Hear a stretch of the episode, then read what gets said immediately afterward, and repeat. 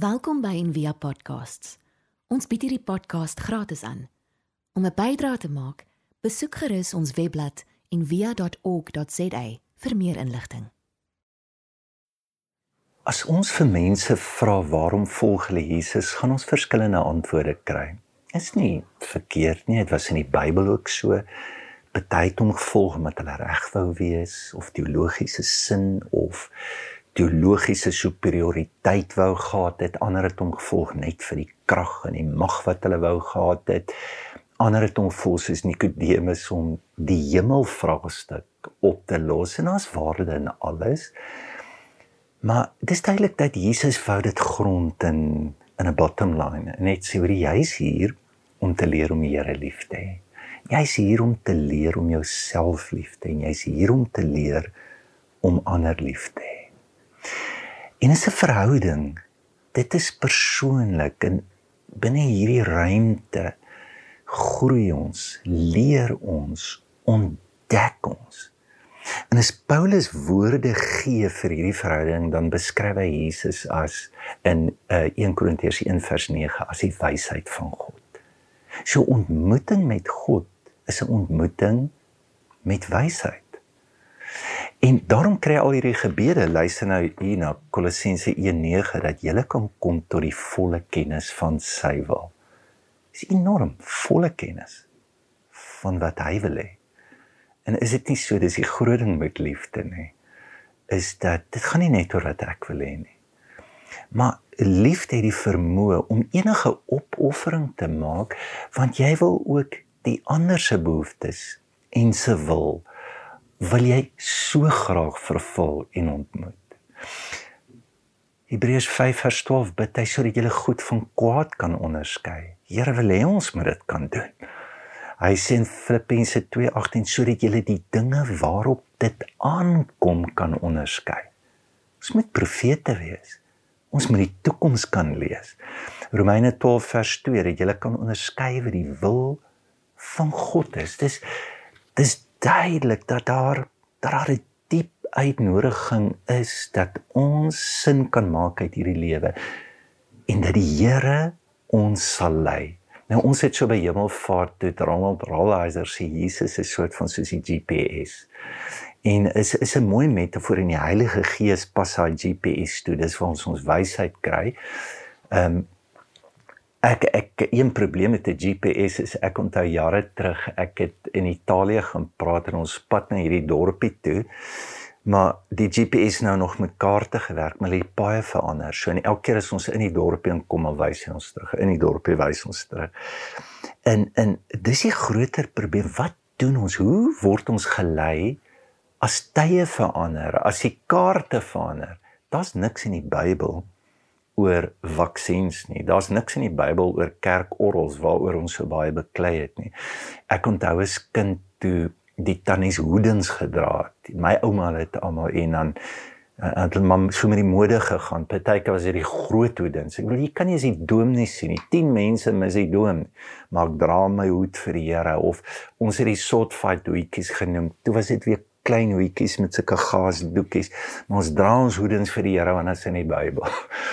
En genadiglik het ons 'n beter verstaan vandag van wat die Bybel is en uh, ons het ook 'n beter aanvoeling van maar hoe lei die Heilige Gees ons. Nou vandag praat ons oor een van seker die grootste besluite wat in die kerk geneem is en dit is in Handelinge 15. En is 'n die kerk besig om te skeer en wat s'e probleem? Julle moet onthou Dit was nooit die idee dat Jesus gedink het o weg met Judaïsme ek begin 'n Christelike kerk. Daai idee het eers later met Paulus kom. Hulle is net gewone Christene in sinagoges. Nou moet jy onthou, hulle soek leiding, daar's nie 'n Nuwe Testament nie.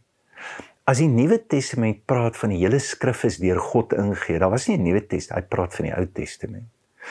So, hulle moet sin maak, maar dit was nie 'n onbekende pad van 'n rabbi of van daai tradisie nie. En Jesus was ook nie so nie. Daar was baie rabbies en daarom haal hulle ook aan. Daar was skole gewees. En baie keer kies hy argumente met die skole wat daar was. As hy sê vroeër sal sê, maar ek sê vir julle baie rabbies het dit gebruik. So hier's die probleem. Dis 'n sinagoge. Dit word 'n kerk want die sinagoge ongemaklik geraak met hierdie ouens wat nou Jode is en Christene. En toe besluit Jerusalem, jy kan net 'n Christen wees as jy Jood is. En hier's 'n ander gemeente Antiochië wat sê, "Oor ons gaan nou 'n brief skryf, ons kan dit nou nie meer hou nie." Ons weet ons weet nie wat's besnydenis nie en dit klink nie lekker nie. So ons is nie vir dit in nie. En hier kom 'n klomp groep mense bymekaar en moet die wil van die Here soek. In die eerste plek ek hou van die woord kompas. Ehm um, sê dit is hulle probeer nou kyk waar ons nou en wat s'ie pad vorentoe, nê. Nee. Sien die eerste ding is jy jy moet as jy met 'n kompas werk moet jy stil staan. Jy hardloop nie en probeer jou pad kry. En hier's 'n 'n vertelling wat jou wil bewus maak van waar kom die draaipunt. So en dit is met Petrus en ek hou verskriklik van sy argument. Hy het nie 'n autobiografiese argument. Die Here het vir my dit gesê en die Here het vir my dit gewys. Hy trek nie rang op hulle nie. Nog minder gebruik hy vyf Ou Testamentiese skrifte en hy weer lê die weer lê die ander skrifte. Ek weet nie hoekom doen ons dit nie. Hy het 'n teologiese argument en hier is die argument. Luister hier gaan dit oor God. Nommer 1 God se werkwoord. Nommer 2 weet jy wat? God ken ons almal se harte. Nommer 3, weet jy wat? God het ons almal gekies. En weet jy wat? God maak geen onderskeid tussen hierdie ouens en tussen ons nie. Vers 7:9. En dan die merkwaardige ding wat gebeur. Vers 12: Die hele menigte swyg. Stilte. Vers 13 wil vir jou sê hy hy hy wil vir jou sê wat wat, wat hierdie hierdie stilte was. Hy sê en nadat hulle geswyg het. So in daai wanneer bly ek stil is om te kan luister, nê? Nee? Jesus se hele bediening en dit wat hy weet wat hy moet doen en waarin waarheen hy moet gaan begin nie omdat hy georden word deur die sinode of hy omdat hy gelegitimeer word deur een of ander denominasie nie Hy word gelegitimeer omdat die kompas vir ons sê gaan woestyn toe. Die woord woestyn beteken stilte. En die Bybel sê duidelik en die Heilige Gees het hom in die woestyn ingevat. En daar's die patroon van sy lewe. Dis die geboorte van wysheid. Wees stil en weet, die wete, die wysheid kom uit stilte uit. Nie uit my interpretasies nie, uit die charismatiese leier nie, is waar dit vandaan kom. Ons moet stil raak om gestroop te word van ons eie ego behoeftes. Om gestroop te word van die stemme in ons lewe. En as jy Handelinge 13 lees in 14 is mense wat nou wil weet, maar hoe kry ons die wil van die Here? Weet jy wat doen hulle? Hulle vas en bid. Wat's vas? Ek weerhou my van die stimulasie van hierdie stimulasies 'n ander manier van stilte dat ek nader kan kom aan my hart en die kompas waarmee die Here my lei. In die tweede plek en hierdie is baie mooi. Hulle is vyf groepe daar wat nou opinies het en hulle moet nou na almal luister. En ek weet nie hoekom is dit dat ons ons sê op en neer ons het nie 'n kompas nie. En ek gee my eie autoriteit weg en ek verkoop my siel uit aan mense. Wil jy regtig dit doen? Ons die Ou Testamentiese model. Moses gaan op, hy hoor die Here en hy sê, in baie kerke werk so. Ehm um, verlede week belle 'n uh, dominee my wat afgetree het en hy sê hoorie toe, ek weet nou ek's nou raad op en ek is 'n 'n gemeente het wat ek dink nou 'n rol kan speel in my kleinkind se lewe dan is dit julle en ek vra hom wat het gebeur hy sê sy kleinseun bel hom en sê vir hom die pastoor van 'n gemeente het oor hom geprofeteer. Hy gaan die grootste prediker word. Hy gaan na die nasies toe gaan, maar hy moet ook baie getrou bly aan die liggaam en aan daai kerk en en sy oupa sê toe van gou baie van die oupa hoor hy maar die ou praat nonsens. Dit is, is nie hoe die Here praat nie. Dat ehm um, hy hy sê so wel ek was ook jonger en hierdie goed is ook al vir my gesê nee, as ek nog niks het gebeur nie. Ehm um, hoe hoe is dit moontlik dat ons bereid is om ons siel uit te verkoop aan mense? wat mense sê God sê kan hoogstens net 'n bevestiging wees van dit wat die Here in jou lewe spreek. 1 Johannes 2 vers 20 sê: "Maar julle het die salwing van die Heilige Gees en weet alles." Of jy het nie nodig om dat iemand julle moet leer gaan gaan kyk na daai narratiewe wil ons bewus maak dat jy kan die kompas vertrou wat God klaar in jou gesit het. Hoe ontdek jy dit? Weer te luister na ander. So wie is hierdie groepe?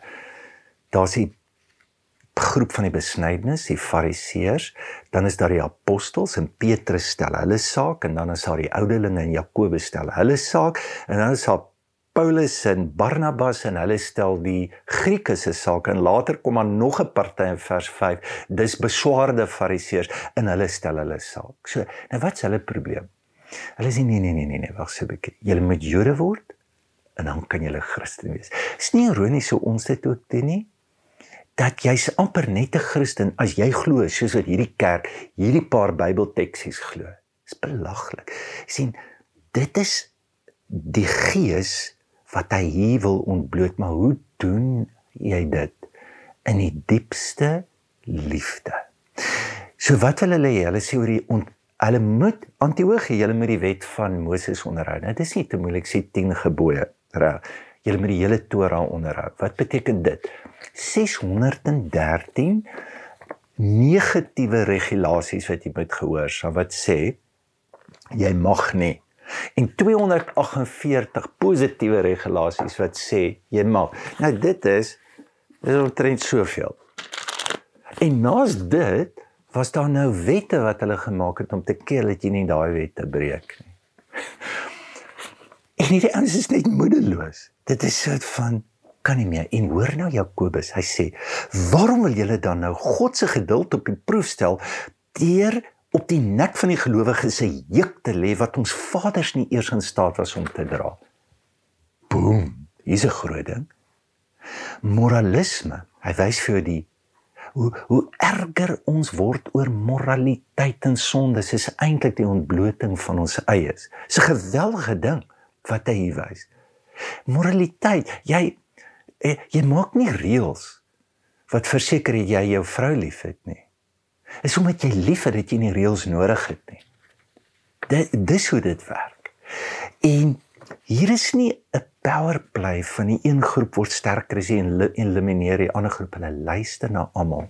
En weet jy wat? Niemand trek rang nie so nie. Nie sê so sê die Here en as jy nou regtig trou is in hierdie kerk van ons. Vers 19 Jakobus is net menslik. Hy sê my op opinie is broers. En dan die ouderlinge sê, "Oké, ons sien. Die woord ons het ingesien. Hier's geen autoritaire aankondigings van so sê die Here. En ons moet asseblief wegbly van dit. Want jy is nie God nie. En as jy sê so sê die Here, hoe kan enige iemand teen dit gaan? En dis brose mense waarmee jy werk. Jy sit jou in God se plek. Volg eerder hierdie ongelooflike nederige voorbeeld wat ons in die Bybel het. Nou hier is die ding, wat wat is die beginsel wat moet geld? Beteken dit hierdie goed snou verkeerd en ons hoef dit nie te lees nie. Daar's wonderlike beginsels in. So wat is die beginsel hier? Hoe kan ons met die liefde omgaan? En hulle maak jou bewus van hoorie so hierdie outisme, hier's kulturele instellings wat nie so belangrik is. En jy onthou wat Kobus doen. Jakobus, hy sê hoe die ou kyk doen dan net hierdie vier, hy maak 'n kompromie. Hoerer hy bloed wat verwrig is en hy noem hy ander en hy sê doen dan net dit. Is jy okay met dit? En later word dit weer verander in die Nuwe Testament. Ander voorbeelde in die Bybel is byvoorbeeld Timoteus. Sy ma se Jood, sy pa se Griek. Weet jy wat sê Paulus vir hom? jy met jou besny. Hoekom? Want jy werk met Jode. Dis net respekvol om dan vir Jood soos 'n Jood te word. Vir Titus sê nie jy besny jou nie hoekom? Hy werk met Grieke. Sê die hoogste onderskeiding is hoe werk die liefde in dit wat ons nou besluit. En dan die laaste ding. Ehm um, 'n kompas vra dat ons moet loop. hy wys vir ons en uh, ons is eintlik net 'n ware noord. En ons weet nie altyd nie. En ek dink dis hoekom met 'n GPS ons beklei so oor die koördinate en al hierdie goed. Ons vergeet dat ons voel dis dit en dit met ons doen. Ongelukkig ons raak behept met wat 'n kompas met die maak van die kompas moet hoe mooi die kompas is en en ons weet alles van die kompas hoe hy werk die meganika ons weet waar en noord en alles behalwe ons loop dit net nie. Jy sal nooit die Here hoor as jy nie loop nie. Brian McLaren sê we make the road by walking. Jesaja sê hy sê and you will hear a voice behind you saying this way walking behind you is omdat jy loop. Jy moet eintlik die gebeurtenis hierna ook lees want Paulus, jy weet hoe hy hy gat net en hy sê net nee Al voel hulle, okay nee, ons moet dit. Hy sê nee nee nee, dis wat ek gaan doen. Maar weet jy wat sê die Bybel? En die Heilige Gees verinner hom. Hoor nou hierdie gedeelte in Handelinge 16. Hy sê hulle daarna deur die gebied van Frigië en Galasië gaan omdat die Heilige Gees hulle verinner. Hy wil nie deur dit gaan hy gaan die Heilige Gees omdat hy teenwoordig is en daar is op die pad wat ons loop mag jy ongelooflik passievol word. Mag jy dit die hoogste strewe van jou lewe maak om die Here te hoor. En vergeet nou al die negatiewe goed van hoe die Here die hoe mense die stem van die Here misbruik. Moet dit nie as 'n verskoning gebruik vir die uitnodiging en die roeping van my en jou lewe om die wil van God in alles alles te onderskei. Mag die stilte jou lewe ontwrig. Mag jy lank genoeg stil staan om die kompas te kan sien. Mag jy die moed hê om die kompas saam met ander te lees wat glad nie soos jy is en binne dit die liefde, die diepste beginsel van liefde te ontdek. Mag jy sien hoe jy lê. En dan maak ons foute. Dat daardie foute is die kurwe, is die koördinate wat my vir die res van die lewe in hierdie liefdesbaan van God laat inloop.